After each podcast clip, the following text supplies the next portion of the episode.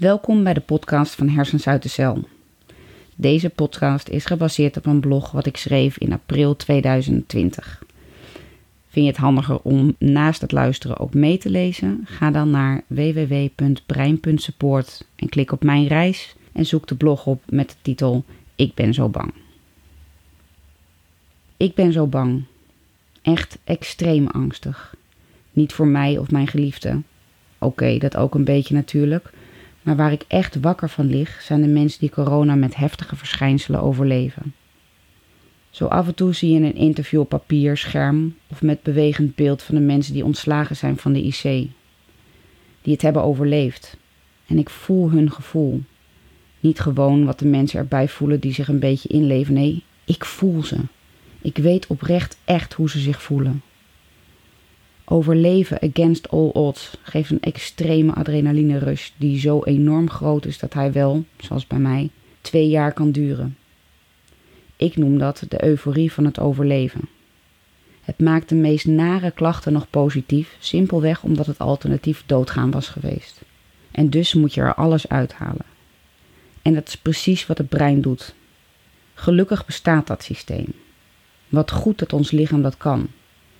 Het is ultieme liefde en bescherming van het leven door ons lijf en onze mentale geest. Maar het is een valkuil die bij het afnemen van de gelukstofjes ons behoorlijk rauw op het dak kunnen vallen. En nu zie ik een groep van duizenden mensen die op de IC hebben gelegen. Daarvan is en zal een deel euforisch overlevende ontslagen worden uit het ziekenhuis, gemiddeld na drie weken IC. Toen ik na de euforie van overleven mijn klachten begon te ervaren, toen het leven weer normaler moest worden, de aandacht voor de uitzonderlijke situatie vervaagde en mijn klachten steeds vaker door geliefden en daarbuiten werden afgedaan als leeftijdsadequate aftakeling, toen was ik ineens eenzaam verloren. Het was niets vergelijkbaars. Ik had geen enkele overeenkomst met normale aftakeling. Ik had gevoeld hoe mijn lijf van mijn vingertoppen naar binnen uit was gegaan, met als laatste mijn brein. Overlevingsspaarstand. Ik heb ervaren hoe mijn functioneren van vingertoppen tot lijf weer wakker is geworden. Behalve mijn brein. Die bleef in overlevingsstand. Ik ben gediagnosticeerd met chronische PTSS, NAH, niet aangeboren hersenletsel door zuurstoftekort. En sinds afgelopen week weet ik van het bestaan van PICS, Post-Intensive Care Syndroom. Ik sluit niet uit dat ook dit een rol bij mij gespeeld kan hebben. Allemaal aandoeningen met veel overeenkomsten qua klachten zonder dat het ene een garantie is voor het andere, maar allemaal met levensbelemmerende gevolgen. Toen ik eenmaal helderder mijn klachten, duizeligheid, extreem vermoeidheid, hoofdpijn, blackouts, etc., begon te communiceren en besloot dat tijdens een rondje langs de medici te doen, kreeg ik op de meeste plekken te horen dat elke dag IC gelijk staat aan een maand herstel. Ik had twee keer op de IC gelegen en drie maanden in het ziekenhuis maar bij lange na geen 21 dagen IC. Stel je eens voor, gezinnen, geliefden, gezinnen waar 1, 2 of meer mensen de gemiddeld 21 dagen op de IC hebben gelegen. Dat is bijna twee jaar herstel. Denk aan inkomen, stress, opvoeding, gewoon leven. Dat is meteen de periode waarin afkeuring bepaald moet worden. Een extreem stressvol en met deze klachten vaak onhaalbaar en oneerlijk proces. Dit zijn psychisch mensonterende situaties. Je nut in deze wereld wordt onderuit gehaald. Waarom heb je dan overleefd? Met welk doel? Wat ben je nog waard? En nog veel meer van deze vragen die ik ook allemaal heb moeten overwinnen. En dan, als mensen genoeg, lees behoorlijk veel, verlangen en doorzettingsvermogen hebben. En of het geluk hebben begeleid te worden door artsen die het snappen en er tijd voor hebben. Dan volgt er revalidatie. Ik werd losgelaten. In een rustige, niet-crisistijd en toch heb ik mijn eigen revalidatie moeten organiseren. Tweeënhalf jaar na dato. Gelukkig zijn er alerte betrokken deskundigen die nu al programma's opzetten, maar de pijlers gaan over longen, fysiek, je verliest al je spierkracht als je zo ziek bent, en mentaal. Over dat laatste stel je eens voor. Weggesleept bij de rand van de dood en je voelt nog steeds of je aan het doodgaan bent, maar je mist ook een paar dagen of zelfs weken. Je geliefden mogen niet bij je. Je kunt je armen nog niet optillen.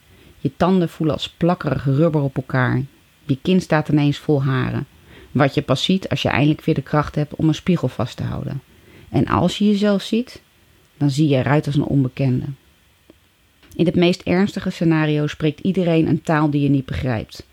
Omdat je niet weet dat je naar een ander land bent verplaatst, omdat in je eigen land er niet genoeg geld was de afgelopen jaren om voldoende IC-capaciteit te kunnen organiseren.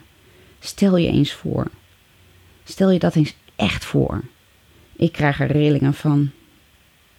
En niks dan lof voor de flexibiliteit en doordachte creativiteit van de IC's en alle zorgmedewerkers, die de uitbreidingen toch maar weer voor elkaar boksen. Maar maak het eens heel klein en stel je voor dat het jou gebeurt, of je meest geliefde liefdes. Met andere woorden, alle lof voor die revalidatieinitiatieven en de toekomstgerichte aanpak. De pijlers kloppen allemaal. Voor zover ik er iets van kan zeggen met mijn logisch verstand en ervaring. Maar ze zijn incompleet voor een deel van de overlevenden. Dus ik ben zo bang. Zo intens bang. Dat een deel van die helden die overleefd hebben, op korte of lange termijn klachten houden die niet opgelost worden binnen deze pijlers. En dat omdat er nog niet erkend wordt dat er een andere aanpak is die werkt, omdat we, de medische wereld, de maatschappij, de verzekeraars, bang zijn iets wat anders is dan het huidige perspectief te omarmen. Dat op het moment dat die restverschijnselen zichtbaar beginnen te worden, ook deze overlevenden met klachten zoals ik en velen met NAH te horen krijgen dat het een nieuwe normaal moet worden.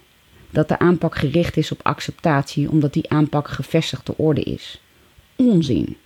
Maar de vastgeroeste visie.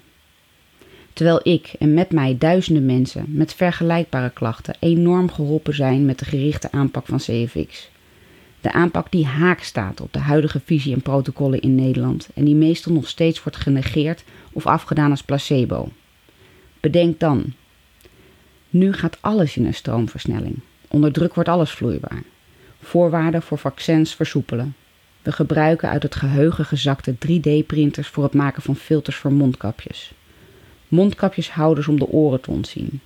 Met alle creatieve oplossingen hebben we een virale post op de social media te pakken. Is dit dan niet het momentum?